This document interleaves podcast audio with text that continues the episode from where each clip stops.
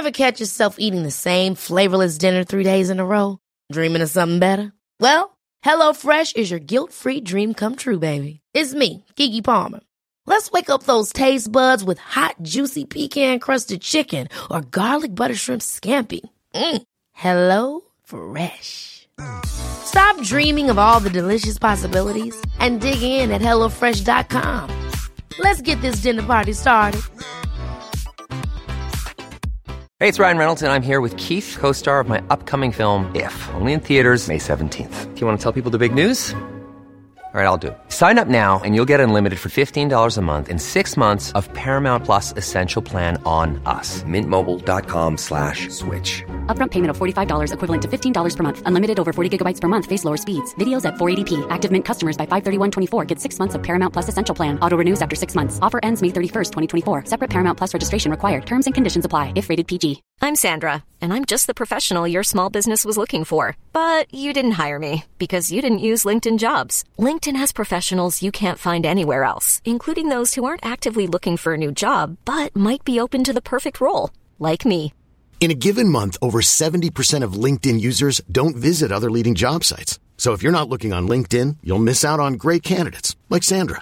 Start hiring professionals like a professional. Post your free job on linkedin.com slash achieve today. Du lyssnar på Nyans, en feministisk true crime-podd som går igenom uppmärksammade rättsfall och ställer sig frågorna Vad har hänt? Hur ser bevisläget ut? Hur resonerade rätten och varför? Hur har debatten efteråt sett ut? Vi följer FUP till domslut till rubriker, rapportering och reaktioner. Och målet med detta är att ge dig som lyssnar fler nyanser i ett annat väldigt svartvitt debattklimat. Och det som ni kommer höra att prata om detta i nyans är Hanna Bergvall, jurist och expert på den juridiska lingon. Paula Dahlberg som driver kontot Vardagsrasismen och har särskilda skills inom utvecklingspsykologi och retorik samt Kajan Andersson som är journalist och opinionsbildare och har en särskild förkärlek för att plöja domstolshandlingar. Idag ska vi prata om förlösarmordet.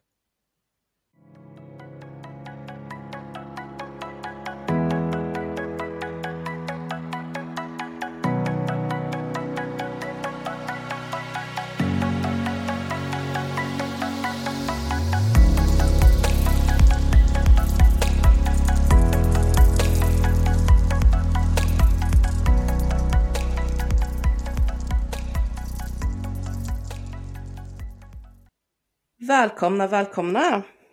Tack. Tackar, tackar, tackar. Hur mår Hur är ni? läget? Ja, jag har ju precis suttit och beklagat mig för er här innan, att jag är lite, eh, jag är lite less på detta fall faktiskt. För att herregud vad det var mycket. Nu känns det som att jag är en, en eh, hackig skiva som säger det här jämt, men det här var ju om... Det här var extremt. Ja, det här var he- aldrig sett något liknande. FUP på över 3000 sidor. Mm, det var enormt kan man ju konstatera. Åh, gud. Eh, Och så mycket information runt omkring, så mycket poddar, se, alltså det finns ju hur, Ja. hur många som, så böcker folk har skrivit om det här, det finns oändligt med information att inhämta. Alltså, jag som eh, sitter på debattdelen så att säga har ju haft riktigt mycket att göra den här gången med, ja det blev, det blev många timmar eh, lyssna podd och se på tv-serier och grejer för att hänga med. Ja men verkligen. Jag, eh, bara för att eh, det är kul att veta, men också för att jag tyckte lite synd om mig själv, så, så skrev jag upp allting som jag gått igenom för det här, just det här fallet. Och då är det de här 3000 sidorna av FUPen. Eh, och sen så lyssna på podden Spår, fem delar. Eh, Tv-serien Mörkt hjärta, hur många delar den nu är på. En P1-dokumentär, ytterligare någon tv-dokumentär på Viaplay, ett avsnitt av Mordpodden och så massa artiklar. Och bara att domen är liksom på typ 160 sidor. Det här är så, det här är så mastigt. Jävlar. Du, du har hittat mycket mer än vad jag har. Jag har, inte, jag har bara lyssnat på spår. ehm, Ja, men- och, och läst ett annat. Jag visste inte att det fanns en P1-dokumentär också. Den var ganska gammal eh, och inte jättebra.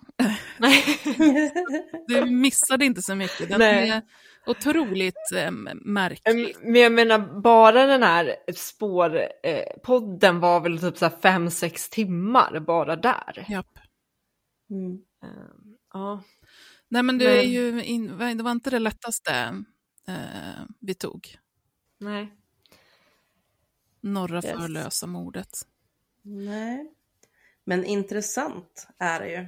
Ja, och det kan vi väl nästan säga redan nu att, att vi spår att det här kommer bli ett så pass mastigt avsnitt att vi nog kommer göra det i två, i två delar. Så då får man eh, lyssna nu idag och sen så får man hålla sig lite grann till nästa vecka och då kommer eh, fortsättningen. Precis. Yes. Vi slutar åt att vi gör så va? Mm. Ja. Ja, jag sitter bara med mitt dokument nu och ser att jo, så kommer det bli. Ja. Av det här, den här, eh, det vi spelar in idag kommer liksom domineras av någon slags hög, Kajans högläsningspodd. Du är bra Kajan. Usch. Ja. Ja, Men det som kommer skilja kanske, vi kan lägga till med de avsnitt som har varit hittills och det här är att vi kommer inte kunna ha riktigt lika tydlig avgränsning mellan delarna som vi har haft. Alltså mellan att du har din högläsning, Hannas juridik och, och min debattdel och så här, för att det är så mycket fram och tillbaka, fram och tillbaka i det här fallet. Så vi Mm. kommer nog behöva bryta in lite på sina ställen. Det tror jag också. Och det är ju bara bra, för jag kände ju verkligen när jag skrev ihop eh, händelseförloppet här att det tog extremt mycket längre tid än vad det brukar ta och jag har ju fått lov att lämna väldigt mycket saker. Så jag, jag hoppas att jag inte har utelämnat verkligt viktiga grejer. Men har jag det, och det kan mycket väl vara så, då får ju ni bara pipa in med det så att det kommer Ja. med också. Men det löser sig. Vi har ju också nästa vecka som vi kan pytsa in mer om det skulle vara så att vi inser att vi missar någonting. Ja. Och sen så får vi hoppas att vi nu inte sitter och spelar in till 22.00 ikväll. För att då Mm. vet jag inte hur min, mitt psyke kommer må. Eh, men ska vi, ska vi dra Vi igång kör. den här skiten? Yes. Yes, vi kör. Jajamän, vi rullar.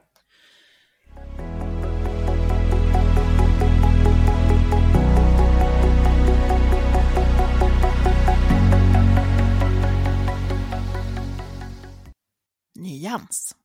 Då börjar jag med ett händelseförlopp som vanligt. Eh, jag tänker att vi ska börja med att lägga de här personerna på bordet, för att det är en hel del olika personer. Även fast jag nu har skalat bort ofantligt många, så är det ändå en del. Jag tror att vi kommer röra oss vid fyra nyckelpersoner och sen så två personer till, framför allt. Offret i den här vedervärdiga historien heter Göran Lundblad. Eh, vi har två stycken fällda mördare. Den första är Sara Lundblad. Den andra är Martin Törnblad. Sen har vi en person från Missing People som är väldigt framträdande som heter Therese Tang. Och jag kommer även nämna Saras syster och Martins pappa, men de får nog heta just det. Saras syster och Martins pappa, för enkelhetens skull. Vi ska börja med att gå igenom huvuddragen här. Eh, för som sagt så är det en del personer, men också platser och tidpunkter att ha koll på. Vi börjar 2012. I månadsskiftet augusti-september försvinner Göran Lundblad. Han var ägare till en hel del mark och fastigheter runt om på orterna Norra Förlösa i närheten av Kalmar och eh, Stigtomta i närheten av Nyköping. Han hade även någon lägenhet inne i Kalmar. Eh, men hans fasta boende är på gården Ställegården i Norra Förlösa. Där bor han tillsammans med sin äldsta dotter Sara. Hon är född 88. Han har också en dotter till som har eh, bott på gården tidigare men sen flyttar och bor på en annan ort. Som alltså är Saras yngre halvsyster. En bit bort från Ställegården ligger en annan gård som ägs av Törnblads, familjen Törnblad. Det är en släkt som Görans släkt har varit i osämja med eh, sedan generationer tillbaka. Det var en till synes ganska fånig tvist om en bit mark som blev väldigt infekterad. I vittnesmål framkommer lite olika bilder av statusen på den här osämjan eh, vid tiden för Görans försvinnande.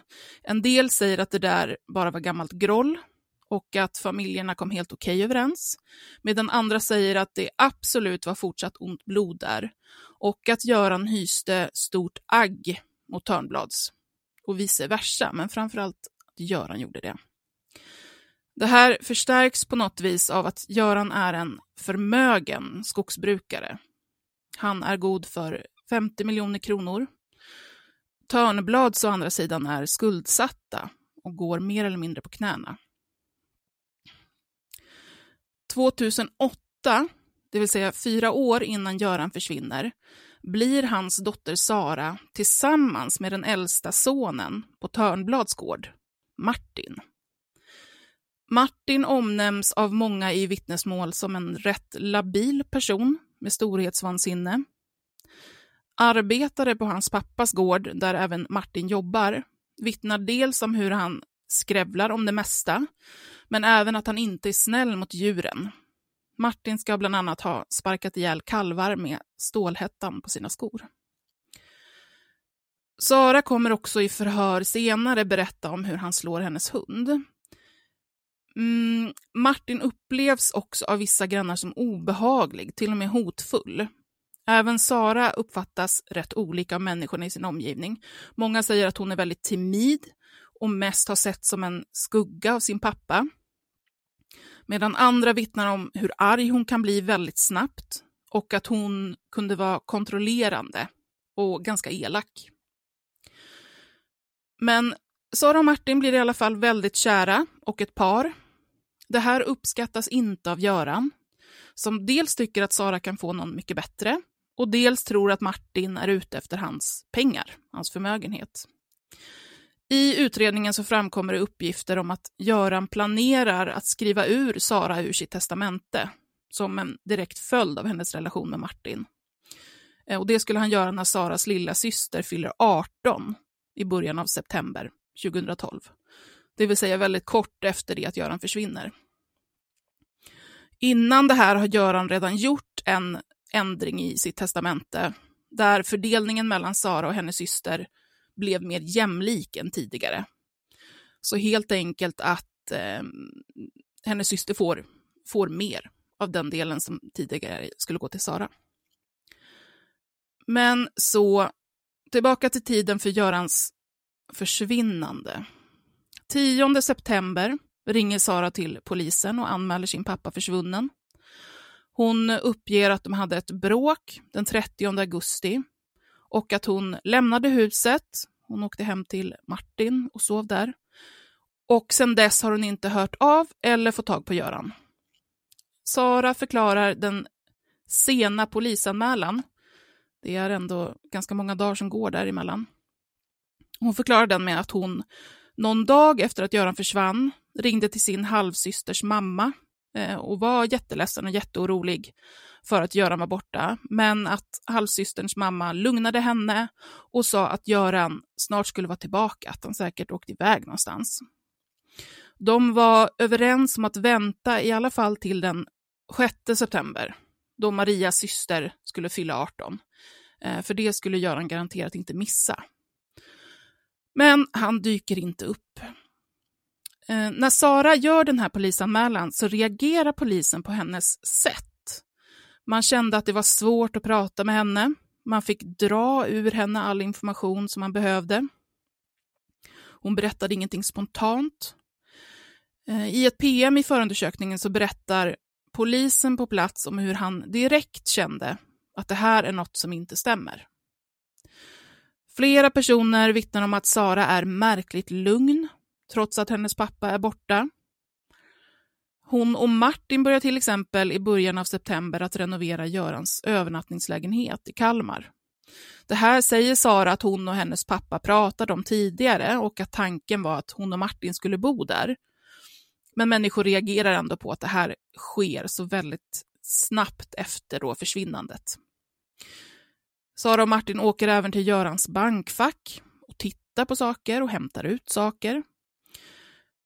Polisen har misstankar mot Sara och Martin och avlyssnar deras telefoner. Man tar också in sökhundar i huset, men på frågan om vilket som är Görans sovrum så blir polisen hänvisad till ett rum som senare visar sig inte vara rätt rum. Det var alltså inte Görans sovrum. Eh, sökhundarna hittar inte mer än att de markerar på en matta på vinden och framför tvättmaskin i källaren. Men man kommer inte vidare på det spåret. Eh, några månader senare gör Sara och Martin om i Görans riktiga sovrum. De tapetserar om, de sätter nya lister, nya golv, de målar taket. Görans sovrum har nu blivit en matsal. Och paret Sara och Martin bor nu på Ställegården. Vid försvinnandet 2012 så kontaktar Saras syster Missing People och de genomför olika sök efter Göran. Sara blir väldigt upprörd på sin syster när hon får höra det här. Hon uppskattar inte att Missing People ska komma och leta. Och det är här som Therese Tang, som är lokal områdeschef för Missing People, kommer in i bilden. Eh, jag kommer prata mycket mer om henne senare. Hon och andra från organisationen är också runt i byn och pratar med människor, så även med Martin och Sara. Men man hittar inte Göran och man hittar inte några avgörande bevis kring vart han kan ha tagit vägen och vad som kan ha hänt honom. I mars 2014 så kommer det in en polisanmälan från Martin och Sara om olaga hot. Det har dykt upp ett hotbrev i deras brevlåda som uppmanar dem att flytta. Eh, och de ska flytta om de och deras nytillkomna son inte ska råka ut för samma sak som Göran. Men vid en husrannsakan inne på kontoret på Ställegården hittar man sedan flera kopior av det här brevet. Och en anställd på Törnblads gård vittnar om att Martin, som är dyslektiker, bad om hens hjälp att rätta det här dokumentet som han själv skrivit i datorn, det vill säga hotbrevet. Martin har också senare erkänt att det var han som skrev och delade ut det här brevet och att han gjorde det för att sätta dit och bli av med en av arrendatorerna, vars mark han var intresserad av. Alltså en, eh, Göran hade ju så pass mycket mark så han arrenderade ut den. Så de flesta grannarna där omkring arrenderade mark av Göran och det var en av dem som det här eh, som man ville framea helt enkelt. Eh, under 2014 får Therese Tang höra en hel del skvaller från ortsborna som hon har varit runt och pratat mycket med. Och där flera säger att de misstänker att någon har tagit livet av Göran och att hans kropp ligger gömd någonstans. Det kommer även lite tankar kring ortsborna på var på ägorna det här skulle kunna vara, vart Göran skulle kunna vara gömd. Therese har även mer och mer kontakt med Martin och Sara, men framför allt med Martin. Hon lägger bland annat till Sara som vän på Facebook. Martin lägger till Therese som vän på Facebook. Martin och Therese börjar smsa och prata på telefon. Det här tänker jag att vi kan komma in mer på i diskussionsdelen, för när jag skriver ihop det så märker jag att jag har väldigt svårt att förhålla mig neutral till det här. Eh, men det finns ju både sms-konversationer i fuppen och transkriberingar av deras samtal, som Therese i flera fall spelar in. Och vi kan för nu säga så här, det är en väldigt flörtig relation som växer fram från båda håll. Therese sätter sig också tydligt på Martins sida i alla situationer. Hon ger honom till och med konkreta tips om hur han ska göra sig av med bevis. Själv menar Therese att hela den här approachen som hon har gentemot Martin är för att få honom att känna förtroende för henne, så att han ska berätta vad som har hänt. Mellan Therese och Martin börjar det pratas om möjligheterna för en relation de två emellan. Saras och Martins relation har blivit fylld av konflikter och Sara har dessutom börjat träffa en ny kille, något som Martin vet om. Martin är intresserad av Therese och säger det till henne. Therese spelar med och säger saker som att hon inte kan inleda något med honom medans den här utredningen är igång. På grund av att hon då är involverad med Missing People. Eh, men hon säger också att kanske framöver om allt kommer upp till ytan och utredningen kan avslutas så skulle det kunna se annorlunda ut för dem. Och hon dinglar det här lite som en morot framför honom. Och Martin säger till slut att han vill träffa henne och berätta något. Så han kommer hem till henne tidigt på morgonen den 19 juni 2014. De sitter på Therese säng och pratar, bland annat om möjligheterna till en relation. Och Therese säger att hon inte kan vara med någon som ljuger. Att hon vet att Martin har varit inblandad, att han inte talar sanning till henne. På något sätt tror Martin på att hon kan se när han ljuger. Therese har ett, ehm, ett långt resonemang om hur hon tittar på hans eh, pupiller och kan avgöra hur de, hur de vidgas eh, och, och blir små och så här, om igen. Att hon alltså, det är så ovetenskapligt, förlåt, men alltså hjälp. Ja. Therese är också ganska tydligt, uh, hon trycker gärna på det här eh, innan hon pratar med polisen om hur, hur hon kan se hans pupiller då, bli stora och små. Um, så de är i, i Therese säng. Han lägger sig ner och hon pillar honom i håret.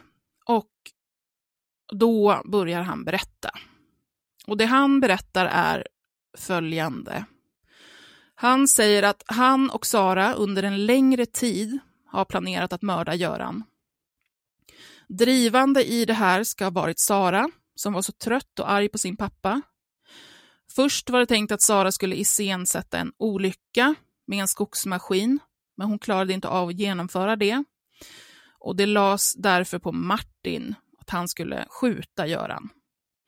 Martin säger att dagen innan mordet har han grävt en grav på en åker på Törnblads marker, mindre än en kilometer från Görans bostad.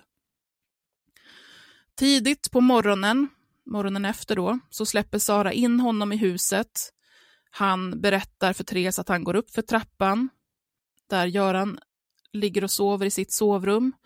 Att han går in, ställer sig och siktar mot Göran, som då som sagt sover men vaknar till lite, eh, vänder sig om och tittar på Martin som då skjuter med en hagelbössa. Han berättar för Therese att den här blicken som Göran ger honom precis när han vaknar till kommer han aldrig glömma. Han berättar också detaljer om hur Görans ansikte ser ut efter skottet med den här hagelbössan. Och sen beskriver han hur Sara hämtar en pressändning som de virar in Göran i. Tillsammans har de lastat Göran på Saras eh, pickup och Martin kör honom till graven som han också sen täcker igen. Sara och Martin städar tillsammans bort blodet och alla spår i sovrummet. Och de använde mängder av rengöringsmedel och de eldade upp vissa saker. Senare, Eh, det var några månader efter har jag för mig, så renoverade de det här rummet och gjorde då ytterligare saker för att få bort spår. För de såg till exempel hur blod hade runnit in under listen eh, så de slet bort tapeter och vissa bitar på brädor och målade och spacklade och slipade för att få bort allting. Sen visar Martin också för Therese var Göran ligger begravd. Vid det här tillfället så börjar Therese i smyg att spela in samtalet. Den här inspelningen finns med i bevisföringen också. Efter allt det här så föreslår Therese att de ska åka och fika vilket de också gör. De åker in till samhället och fikar. Och sen så skiljs de åt. Therese kontaktar då polisen och berättar om allt, varpå Martin och Sara blir inplockade. På den här platsen som Martin pekat ut på en karta så hittar man mycket riktigt kroppen av Göran. Detaljer med skadorna stämmer överens med de detaljer som Martin berättade om. Eh, det är ganska grafiskt, så jag tänker att jag hoppar över det. Det finns ingen poäng med det riktigt här. Ehm, men de stämmer i alla fall överens, vilket gör att man bedömer det här som Martin har berättat för väldigt trovärdigt. Man undersöker också det här tidigare sovrummet, som sen blev en matsal, eh, väldigt ordentligt. Man river bort det nya golvet, man går in i, eh, i vägg och tittar här där, där, ehm, där listerna har suttit och man hittar blod som visar sig vara Görans. Man ser att det var ganska stora mängder med blod blandat med vatten som liksom har runnit in och har runnit igenom spikhål och sådär. Och man hittar även märken efter rengöringsmedel som har frätt och, och blekt på träet. Så, Sara och Martin är inplockade som misstänkta. Martin börjar med att förneka allting, säger att han absolut inte har sagt de här sakerna till Therese och att han inte vet varför hon ljuger om det. Det är det inledande förhöret och sen ändrar Martin taktik. Han tiger rakt igenom resterande förhör och även under rättegången.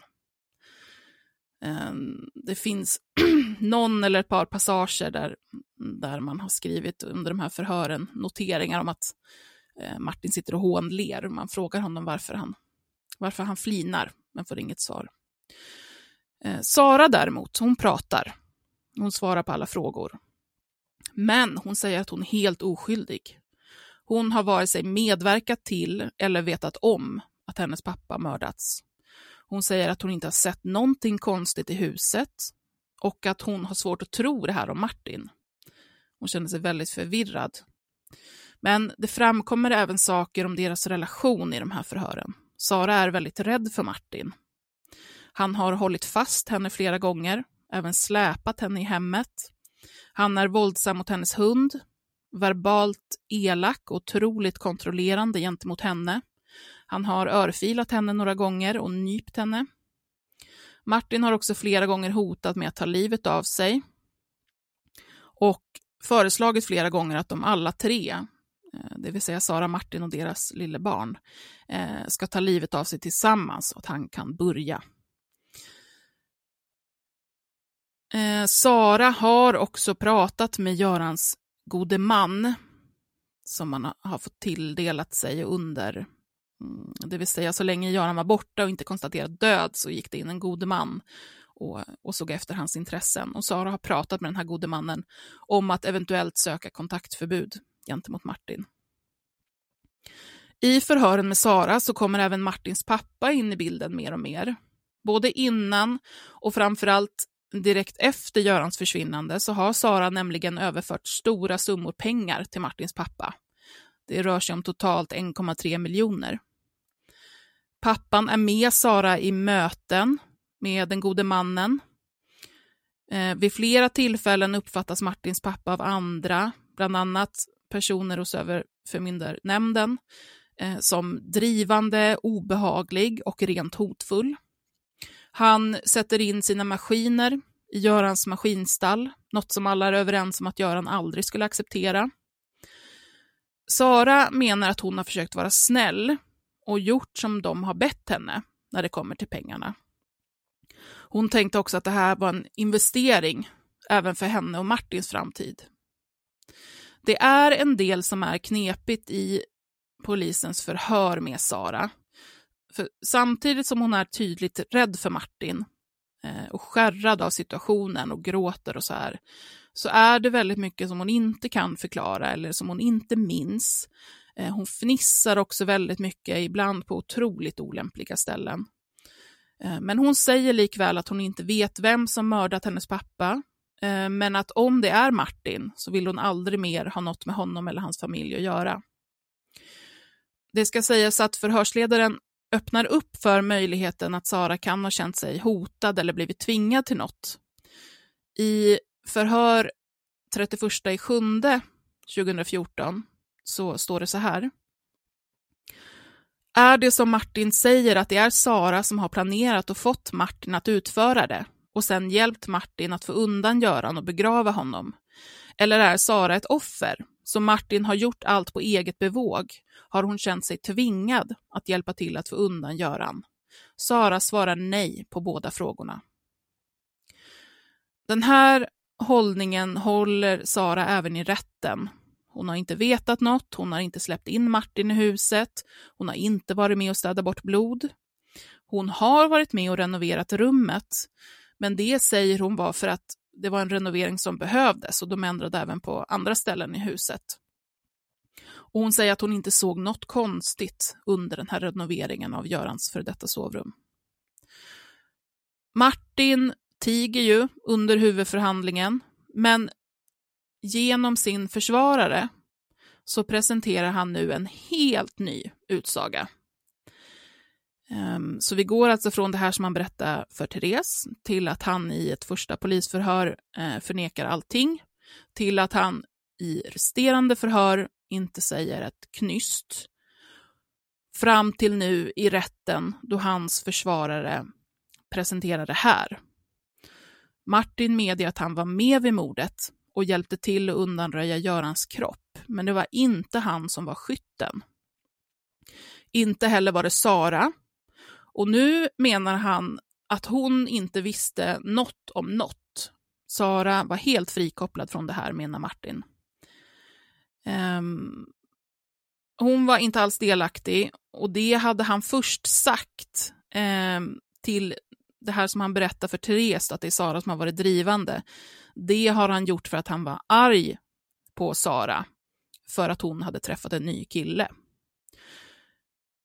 Han har berättat som han gjorde för Therese för att han behövde lätta på sitt samvete, för att han var intresserad av en relation med Therese och för att inte röja den riktiga skyttens identitet. För den här skytten, som Martin menar är den verkliga mördaren, är en person som han känner väl och som också har figurerat i utredningen. Så att det där blir ju lite nya uppgifter för rätten att ställa sig till. Och då har man redan en, en FUP som är mastig. Och det var, det var det. Var det. Nu, Hanna, får du ta över från vad som händer i, i rätten.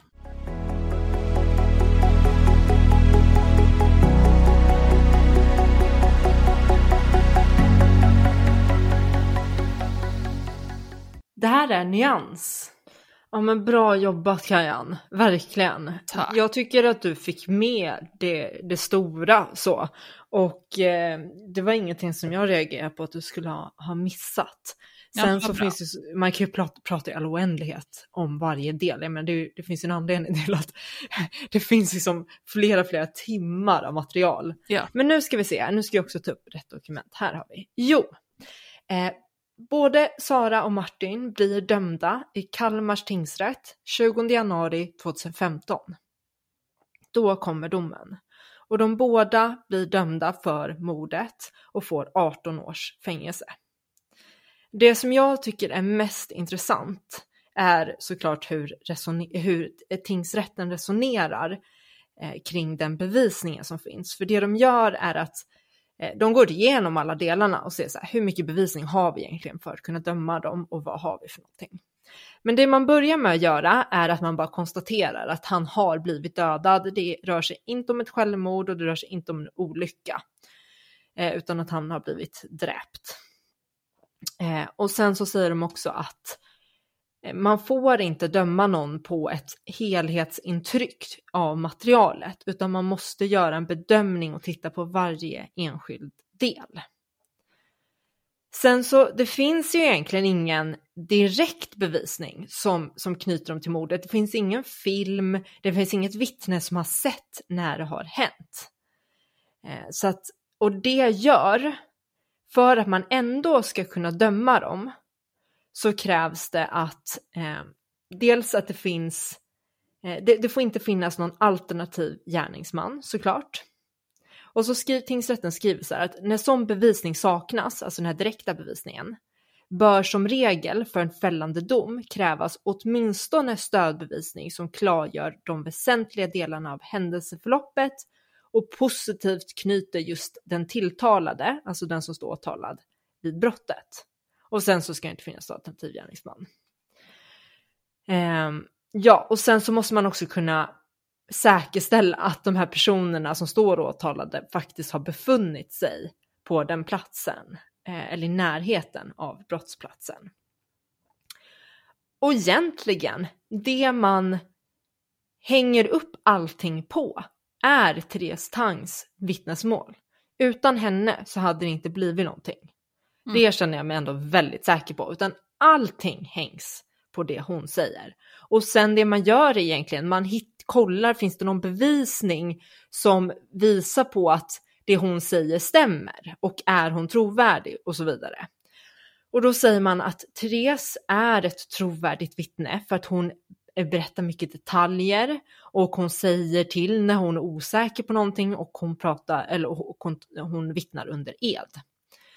Eh, förtal, eller förtalet, nu är jag trött, försvaret, så heter det. Eh, försvarets uppgift är ju såklart att försöka slå hål på det åklagaren bevisar, bevisar. och när det kommer till, det, till Therese Tang så menar de på att hon är ett överkonfident vittne. Jag hade inte hört ordet överkonfident eh, tidigare, men som jag förstår det så menar de på att hon är väldigt, väldigt självsäker. Så. Ja. Och att hon, eh, hon, hon pratar med, alltså väldigt kategoriskt och att hon säger det finns inte en chans i världen att Martin skulle kunna gjort det här utan sa att Sara var den som var drivande och så vidare. Och det menar man på att hon kan inte göra sådana liksom, såna uttalanden, hon är för självsäker. Mm. Och då men, vill man att det ska visa på att, man, att hennes vittnesmål inte är lika mycket värt. Sen lägger man också väldigt stor tyngd vid att hon har varit, det har varit viktigt för Therese att man ska, att, att hon ska få cred för att ha varit den som har löst det här mordet. Hon har pratat mycket i media och varit, liksom, synts väldigt mycket. Och då menar man på att hon kan ha haft ett egenintresse i det här. Eh, jag kommer komma in mer på det, det finns hur mycket att säga som helst om den här Therese Tang. Eh, men jag tänker att vi går igenom de sakerna som tingsrätten lyfter upp som bevis för att Martin har gjort det. Mm. Och det första man säger är att han, hans mobiltelefon har kopplats upp vid masten eh, vid gravplatsen dagen innan mordet. Och då menar man på att han kopplades upp där för att han var där och grävde. Det är det man menar att det är bevis för. Eh, och sen så tycker, tar tingsrätten upp att Martin log och såg stolt ut i tingsrätten när ett vittne gav komplimanger till den som har grävt graven. Mm. Och man sa att det var en skicklig grävare, då skulle Martin ha sett väldigt stolt och glad ut och då menar man att det, det är ett, ett eh, bevis för att han har gjort det, i alla fall grävt graven. Ja. Eh, och eh, sen har vi såklart att han erkänner för eh, Therese och då är Therese vittnesmål ett, en bevis. Sen menar man på också att Martin hade tillgång och kunskap om grävmaskiner och att Martins beskrivning till Therese Tang är så pass detaljerad att det måste vara självupple självupplevd. Mm. Och då lyfter man fram, fram framförallt det här med att Martin säger att när Göran blev skjuten i huvudet så växte Görans öga till tre gånger så stort. Och då kan man ju fråga sig, har Martin sett det här? Vilket då tingsrätten menar på att han måste ha gjort. Men betyder det att han har skjutit eller har han stått bredvid? För att jag menar oavsett om han var den som sköt eller inte så, så kan han ju ha sett det. Sen menar man också på att... Jag ska, Men det här, bara, det, jag ska bara ja. lägga till där, för det här kan man ju då se sen när man hittar Görans kropp, att, att just detta stämmer. Och det är därför man tänker att det är mm, så starkt Eh, bevis. Ja men exakt. Eh, och just det här med att han är så pass detaljerad. Mm. Men man ska säga också att tingsrätten resonerar inte överhuvudtaget om huruvida eh, han har, om han var det, hur, alltså just det här med att han, han såg det här med ögat, om det eh, verkligen betyder att han var den som sköt eller att kan det vara så att han har stått bredvid och någon annan har skjutit. Det, det tar man inte upp, inte vad jag kunde se i alla fall. Nej, alltså jag lyssnade lite på, på åklagarens plädering.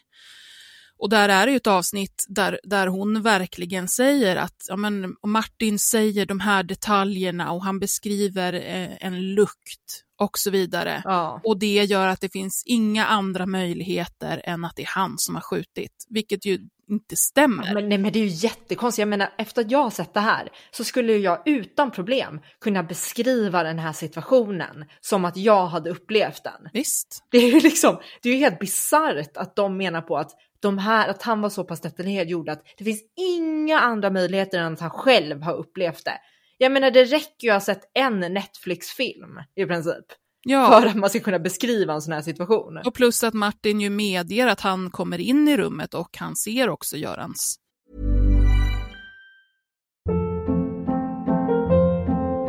Hold up. What was that? Boring. No flavor. That was as bad as those leftovers you ate all week. Kiki Palmer here, and it's time to say hello to something fresh and guilt-free. Hello Fresh. Jazz up dinner with pecan-crusted chicken or garlic butter shrimp scampi. Now that's music to my mouth. Hello Fresh. Let's get this dinner party started. Discover all the delicious possibilities at hellofresh.com. Hey, it's Ryan Reynolds, and I'm here with Keith, co star of my upcoming film, If, only in theaters, May 17th. Do you want to tell people the big news?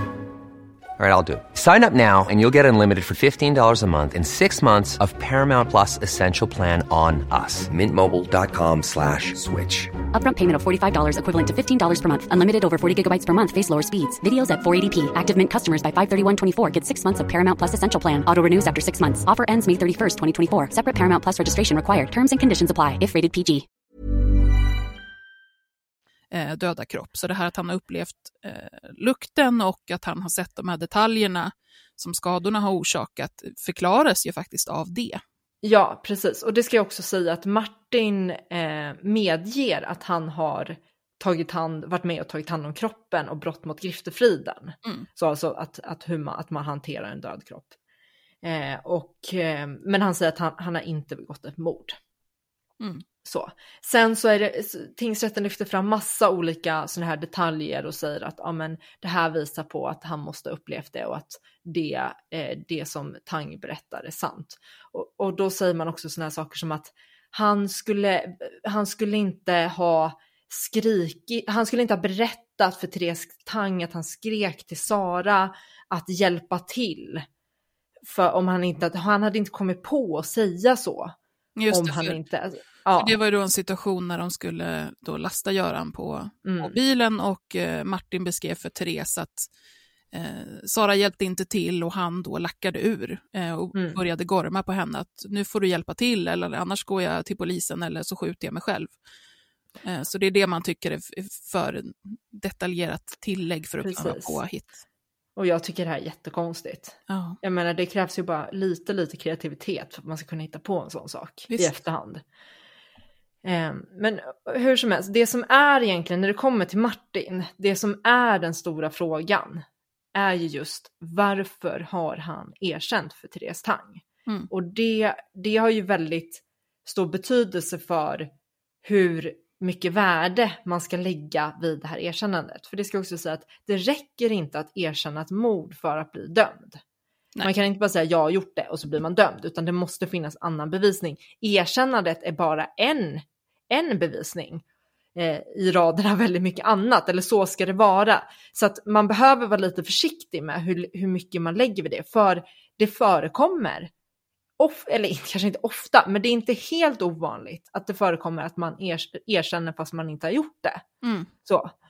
Ehm, jag menar, ett av de mest kända fallen är ju Thomas Quick Visst. som erkände hur mycket brott som helst. Ja. Och sen så eh, liksom vaknade han upp x antal år senare och bara, nej men jag har inte gjort det här. Mm.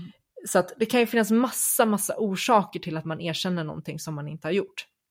Och det här resonerar inte tingsrätten över överhuvudtaget. Vilket är... Och här vet vi ju här vet vi att det finns väldigt tydliga saker som Martin faktiskt har att vinna på att man, Ehm, att man hittar Görans kropp till exempel. För att eh, om, om Göran då kan konstateras död så, så försvinner den här gode mannen och det blir en, ett, eh, ett skifte i ägarskap och pengar och så vidare som han då gynnas väldigt mycket av. Sen har vi också den här saken att vi vet att han har en grandios självbild.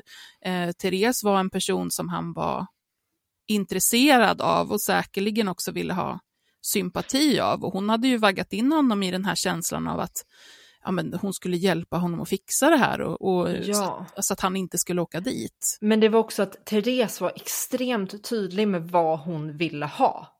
Ja, Så att man skulle kunna tänka sig en situation där att, att, att Martin vill ge Therese någonting som hon vill ha. Och, och Mm. Therese berättar ju också om hur, att, hur hon jobbar, att hon, eh, att hon ljuger för honom för att ge, få honom att känna sig trygg och så vidare och så vidare. ja, Och det är också problematiskt just med det här erkännandet för att det är inte ett erkännande inför en polis eller i ett förhör eller inför tingsrätten utan det är inför en privatperson som har använt eh, metoder som inte skulle accepteras i ett, i ett, liksom, av en polis i ett förhör.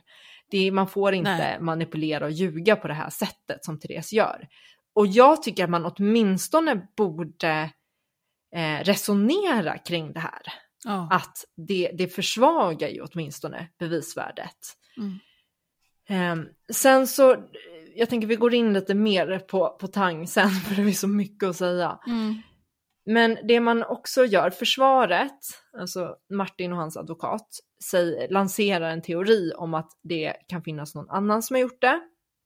Och så säger de att, eh, ett, och tingsrätten går igenom, skulle det kunna vara exempelvis och det de säger är då att ja, han har haft tillgång till ett vapen, han vet hur man gräver en grav, alltså han har ekonomiska incitament och Martin har en anledning att vilja skydda därför skulle han kunna erkänna. Sen säger man så här. Det är dock, ja nu citerar jag tingsrätten direkt vad de säger om det här. Det är dock mycket osannolikt att skulle utsätta sig för den stora risk för upptäckt som det skulle innebära om Sara kom hem till ställegården och fann honom där med Göran i sovrummet i det skick som det må måste ha befunnit sig i innan de städade upp, något som enligt Martins uppgifter till Therese Tang inte var före klockan 14 samma dag. Och man menar då på att skulle ha utsatt sig för en stor risk för upptäckt och att det är därför han inte har gjort det. Jag förstår inte riktigt vad tingsrätten menar, men det är i alla fall det de säger, varför det är inte är som gjort det.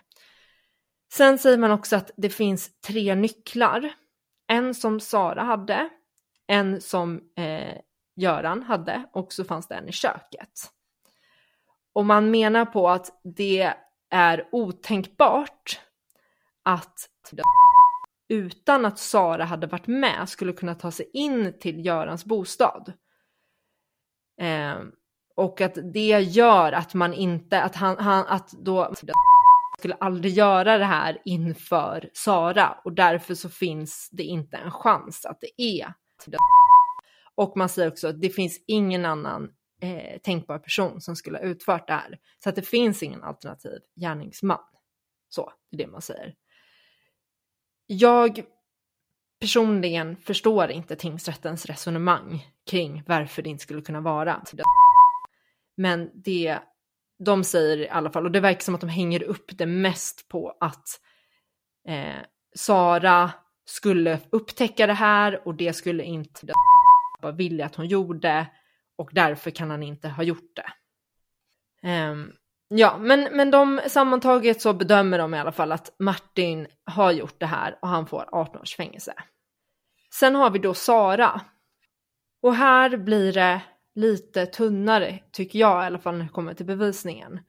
För att det är ju egentligen bara det Therese har sagt om vad Martin har berättat för henne om Saras inblandning som ligger till grund för att hon blir dömd. Sen så, så tar man som typ stödbevisning, lyfter man ju fram alla de här exemplen på att hon inte har betett sig som någon som vars pappa är försvunnen. Och det här, ja det här, jag tycker det här argumentet eh, känns väldigt fel. För att det här utgår man ifrån att det finns ett rätt sätt för anhöriga att bete sig. Och om man inte följer den här mallen för hur anhöriga ska bete sig i en sån här situation så blir man misstänkt. Eh, och visst, man kan ju misstänka folk för sånt, men jag vet inte om jag tycker att det borde ligga till grund för en, liksom, en morddom. Nej.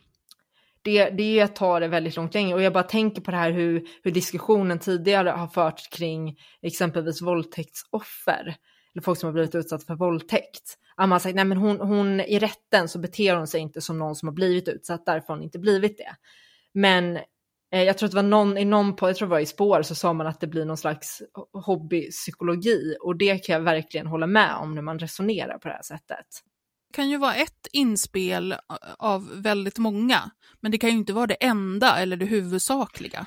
Nej, alltså det är väl det som blir problemet, att det finns så lite här. Så att man tar, tar allt man hittar och mm. eh, ja, vi får se vad om ni tycker att det räcker. Jag är väldigt skeptisk till det. Det man också säger är ju det här, eller det som blir så problematiskt är att man säger att först säger man att nej men hon är så kall och avvaktande, hon anstränger sig inte för att hitta sin pappa, hon är väldigt passiv, hon eh, beter sig som någon som har mördat sin pappa. Mm. Sen säger man lite längre ner i domen att, för då, då är det ett vittne som vittnar om hur ledsen hon har varit. Och hur otroligt ledsen Sara har varit. Och då säger man att, ha, ha, titta här, hon beter sig som en mördare som känner sig skyldig.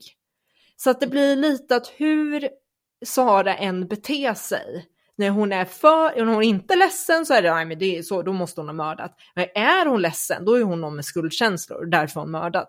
Så att man, jag tycker tingsrätten får bestämma sig lite hur de ska tolka det här.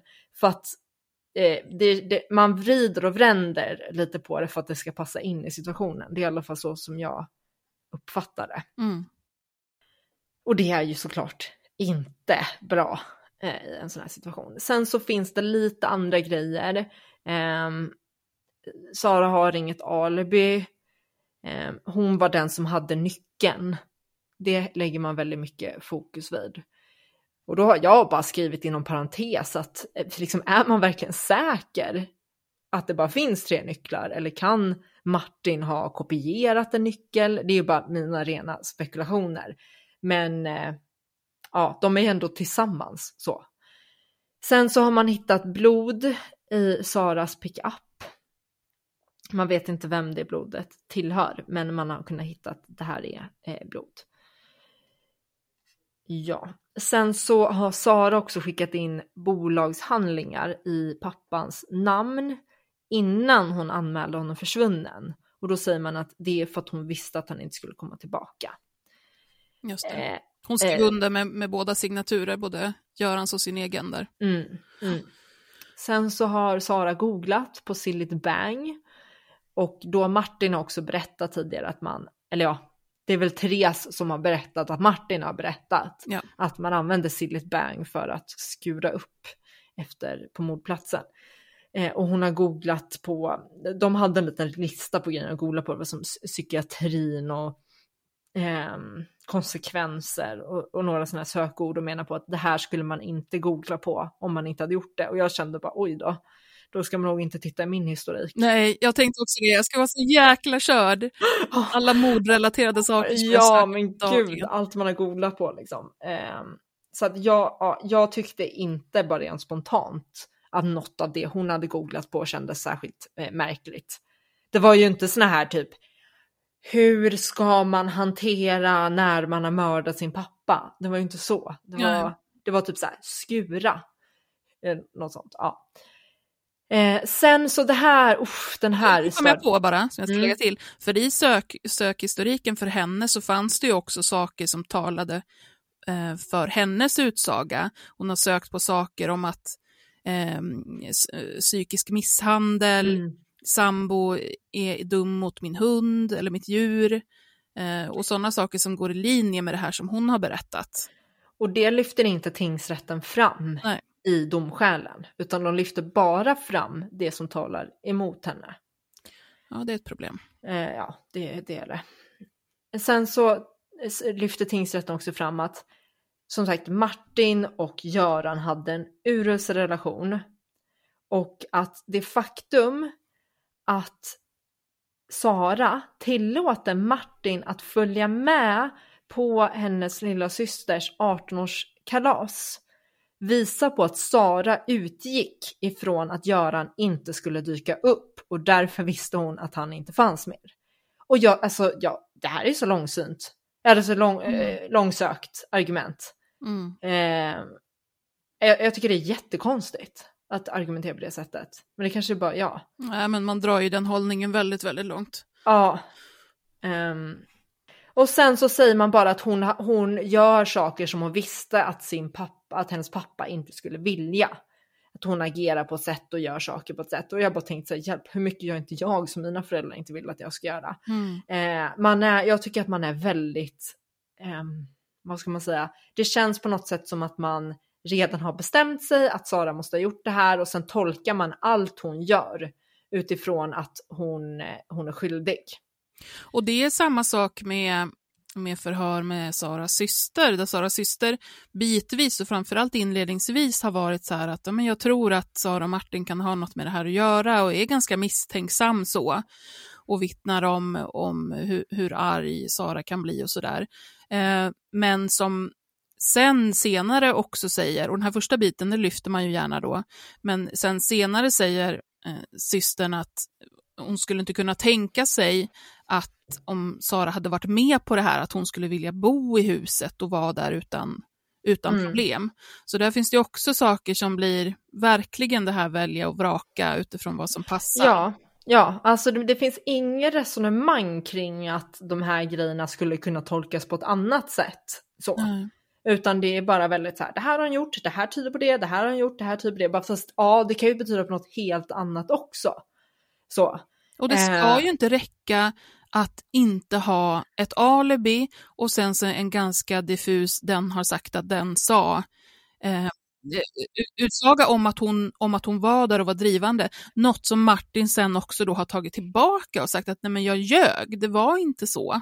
Mm, men då har man mm. på något vis ändå bestämt sig för att ja, men, nej, vi kommer lita på dig bara den där första gången, inte på det här ja, andra du och sen, Ja, men precis. Och Martin har ju också, det är flera som har vittnat om att Martin har en historia av att ljuga. Ja. Att han har ljugit många gånger innan om olika saker. Eh, men det resonerar man inte heller kring.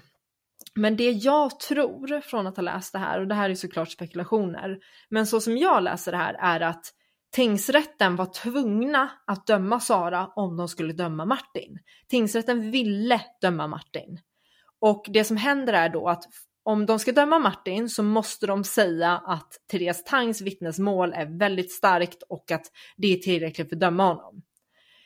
Och det gör ju att man måste säga samma sak i Saras situation. För man kan ju inte säga att vittnesmålet är starkt bara i de grejerna som, som talar för att Martin har gjort det, men inte de grejerna som talar för att Sara har gjort det. Så att de, Sara och Martin sitter väldigt mycket ihop i det här till följd av Therese Tangs vittnesmål. Och Therese säger mm. saker som att, det, jag tror jag sa det innan också, det finns inte en chans i världen att Martin skulle kunna göra det här på egen hand. Han är inte, för, han är inte kapabel, han är inte förmögen till att göra en sån här sak, utan det är Sara som har diktat upp det här. Och det, alltså, menar, hon sätter sig, och jag blir så himla upprörd ja, jag blir också det. sätter sig i en situation där hon är expertvittne. Mm. Istället för att bara förmedla någonting som hon har hört så lägger hon ju då in en väldig massa tyckande och då som hon tycker att hon har väldigt mycket kunskap kring det här att när hon kan se om Martin ljuger eller inte och nej men så här var det och han skulle aldrig agera så annars. Som, som ja, hon men precis. har nått på. Nej, men just att sitta och säga det här att hon är 100% säker på att Martin inte är förmögen till det. Det, det, det, det, måste man ju också se mot bakgrund av att de har mer eller mindre eh, liksom börj, påbörjan av en kärleksrelation. Ja. För de pratar om saker som man inte pratar om i, i en vanlig liksom, vänskapsrelation eller också så här, de är ju inte ens vänner, de har ju känt varandra in, alltså, inte jättelänge, men de har en väldigt intim relation och det tycker jag att man måste lyfta fram här. Ja. Och sen kommer man ju tillbaka till att varför erkänner Martin? Är det för att han vill plisa Therese Tang som mer eller mindre vaggar in Martin i känslan av att Therese är på hans sida, de ska liksom leva ihop, de kommer lösa det här tillsammans, han kan berätta för henne, det är ingen fara, hon, ja, men hon är på hans sida. Ja, för tänk så här, den situationen som han befinner sig i. Eh, hon, Therese har övertalat, eller övertygat honom om att hon kan avgöra på hans kropp när han ljuger och inte. Eh, mm. Så att han tänker säkert att han måste, det måste vara mycket del av liksom sanningen som är med här, men, men naturligtvis behöver inte allt vara med. Eh, hon, hon målar ju också in honom i den, alltså förvissar honom om att jag förstår att du är intresserad av mig, jag skulle också kunna tänka mig någonting, men då måste den här situationen där du ju är, är misstänkt, då måste den lösa sig och jag kan hjälpa till med det här, för hon pratar ju om att undanröja Mm. bevis och att hon ska Mm. hjälpa honom. Eh, då måste det där lösas, att jag inte längre är en drivande del i den här utredningen genom Missing People och då, då skulle vi kunna. Mm. Så det är Ja, ju en precis. jättemanipulerad situation. Ja, och Therese erkänner ju också att hon, eller hon säger att hon, hon gör så här. Att hon har manipulerat honom. Och det är därför det blir så konstigt att tingsrätten inte ens alltså, ägnar ingen tid åt att resonera kring det.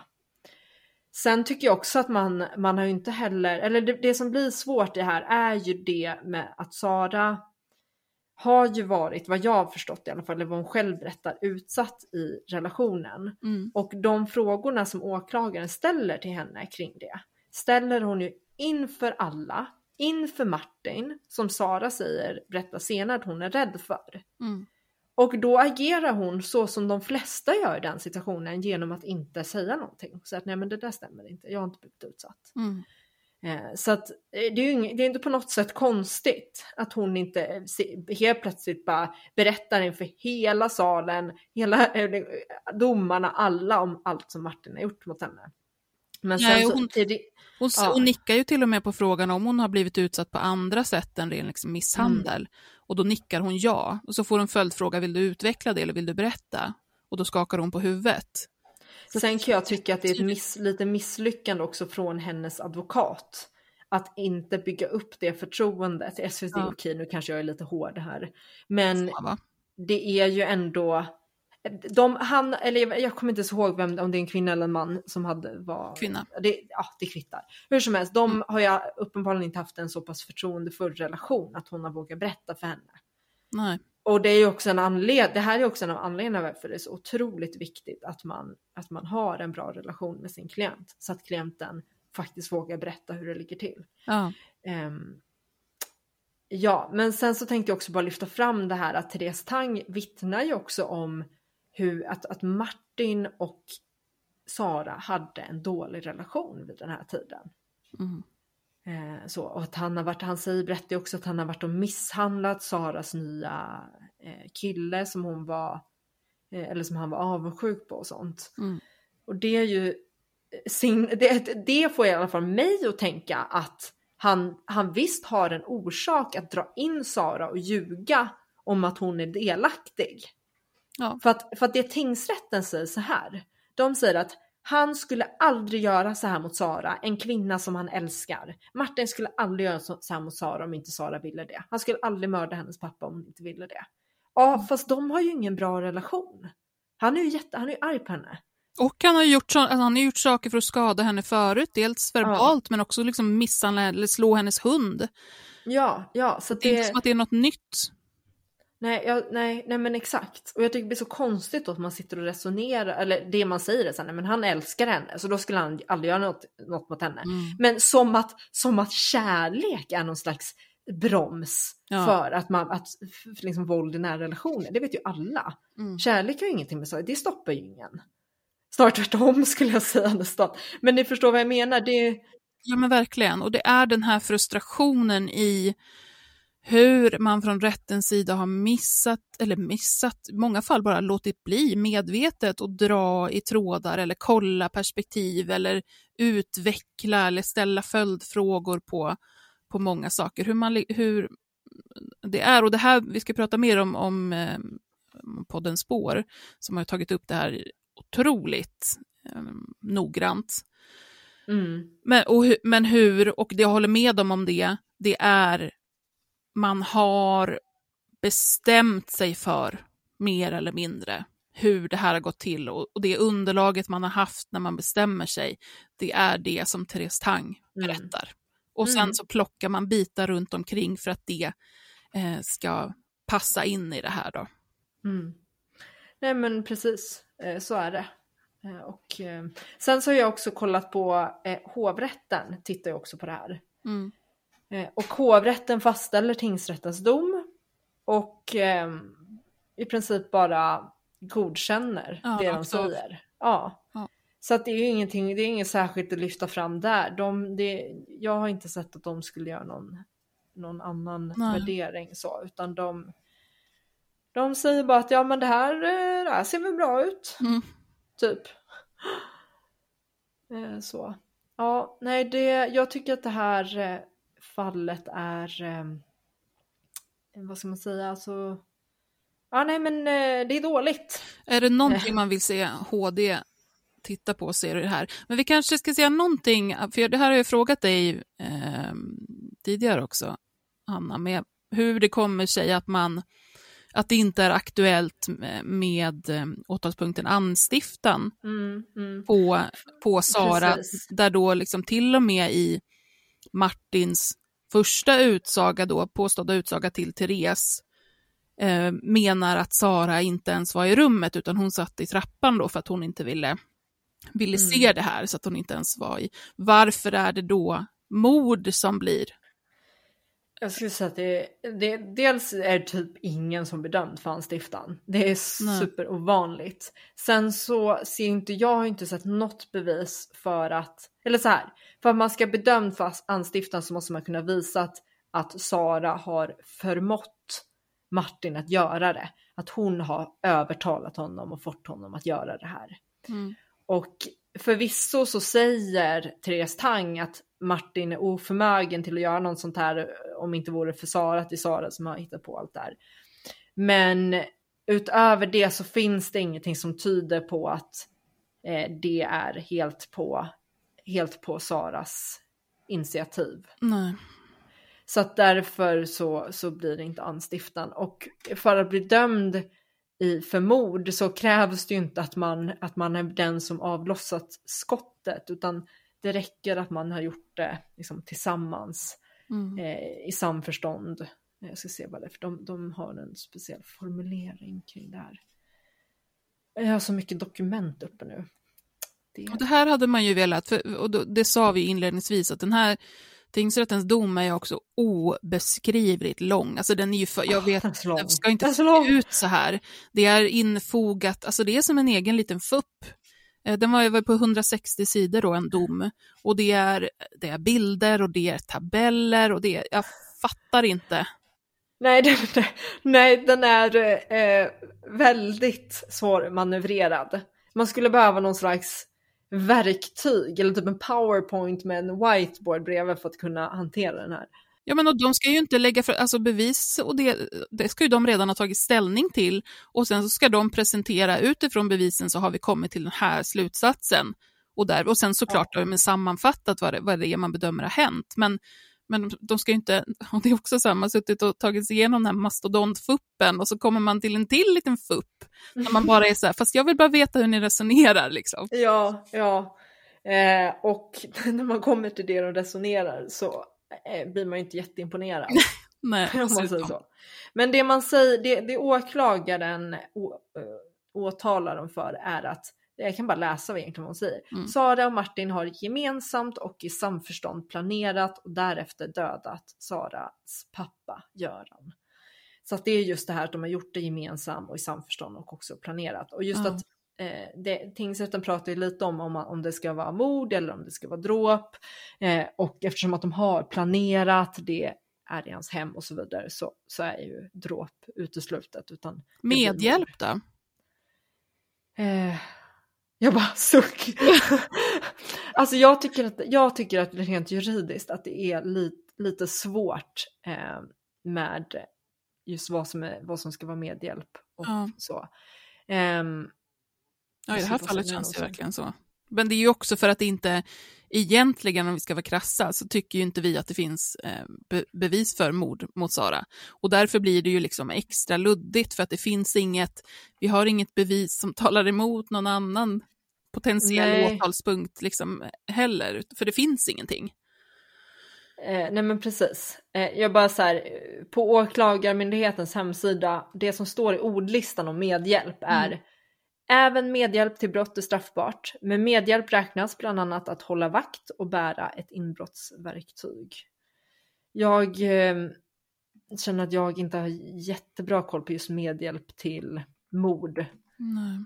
Försöker, försöker aktivera det jag lärt mig på juristprogrammet om det. Ja, Eh. men å andra sidan så hade de ju på något vis bestämt sig för att det var den här linjen de skulle gå på. Så. Ja, eh, ja men så är det. och eh, jag tror egentligen att det blir medhjälp när man inte uppfyller kraven för eh, ja, men till exempel för att det ska bli anstiftan. Mm. Just det. Det är inte det här initiativtagandet och så vidare. Nej, nej men precis. De, men här är det just det här att de har gjort det tillsammans på bådas initiativ. Ja. Um, ja, jag, jag, kan, jag kan ju utveckla det här lite i nästa avsnitt känner jag. Ja, Ja, vi kan ta en ja. liten passage då. Ja. Vad heter eh, ska vi, Paula vad tycker du, ska vi gå in mer på spår eh, nu? Vi ska ju också prata om Mörkt hjärta, vä- väldigt aktuella eh, tv-serien på Discovery+. Plus. Ska vi göra det nu eller ska vi vänta lite? Nej, det var ganska lägligt att börja... Eller det beror på hur vi vill lägga upp det här nu. Ja, äh, det kommer ju blandas ihop ändå. Som sagt, det här är ju Ja. Eh, Det finns många saker som man tar upp i, den här då podden Spår som är gjord eh, eller av och med Anton Berg och, Martin Jonsson som granskar olika rättsfall och sånt. Det finns ju många saker som de tar upp, många frågetecken där som vi också har varit inne på redan. Um, just med det här att Martin lyfter den här skytten, en, en, en annan potentiell gärningsman, eh, att det finns brist på bevis, och också det här som Hanna var inne på med att man bedömer eh, Saras eh, lämplighet som orolig dotter på något sätt. Mm. Men vad tänkte ni när ni, när ni lyssnade på spårgenomgången? Alltså för det första, eh, jag tänker det kan vara värt att nämna det då, att eh, Spår har ju några år på nacken nu. Mm, Så att den är ju inte superny, den, eh, den podden, men den är väldigt, väldigt välgjord. Och eh, det innehåller ju bland annat då, eh, är det väl fjärde avsnittet där de har fått till eh, intervju med, med Martin, men sen också med Sara. just det. Så att de är faktiskt med och, och ger sina visioner så här några år senare, eller pratar lite grann om vad de menar skulle ha hänt och sådär. Och eh, i eh, det samtalet så står ju också Martin fortfarande kvar vid att han var med när Göran blev skjuten, han var med och städade upp och sådär, men det var inte han som sköt, utan det fanns en, en annan inblandad och Sara hade egentligen inte med det här att göra. Mm. Ehm, och det, jag tänkte till nu så här, hur lång inspelningen har varit och så att än så länge så har vi inte kommit längre än ett ganska standard avsnitt. Så den som sitter och lyssnar kanske börjar undra lite grann, vadå, varför skulle det här bli så annorlunda? Ehm, Mm. Och det kommer ju nu egentligen, Ja. när vi ska börja gå igenom det här med, med spår och med de här andra grejerna som finns. För det är nu det kommer börja liksom snurra ihop sig. För att det är, det låter ju ganska rätt fram ändå, även om man kan ifrågasätta att det är väldigt tunn bevisning vad, vad gäller Sara och sådär. Eh, så låter ju allting ganska ändå, ja men rätt fram. Att okej, det han hittades så småningom, Göran här, han var död, det är klart han har blivit mördad. Martin erkänner att han var med, ja men fine liksom. Mm.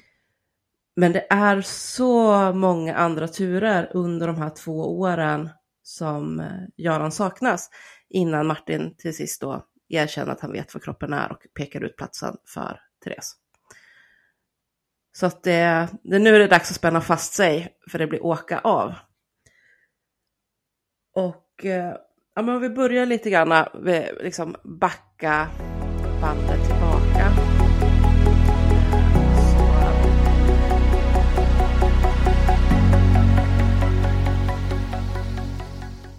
här är Nyans.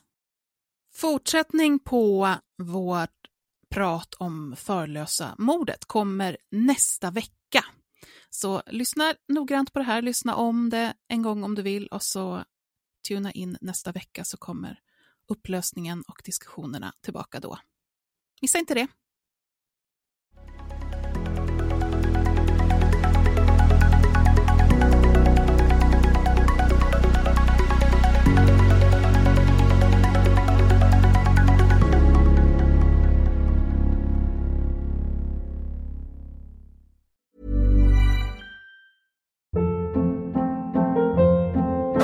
Hold up. What was that? Boring. No flavor. That was as bad as those leftovers you ate all week. Kiki Palmer here, and it's time to say hello to something fresh and guilt-free. Hello Fresh. Jazz up dinner with pecan-crusted chicken or garlic butter shrimp scampi. Now that's music to my mouth. Hello Fresh. Let's get this dinner party started. Discover all the delicious possibilities at hellofresh.com.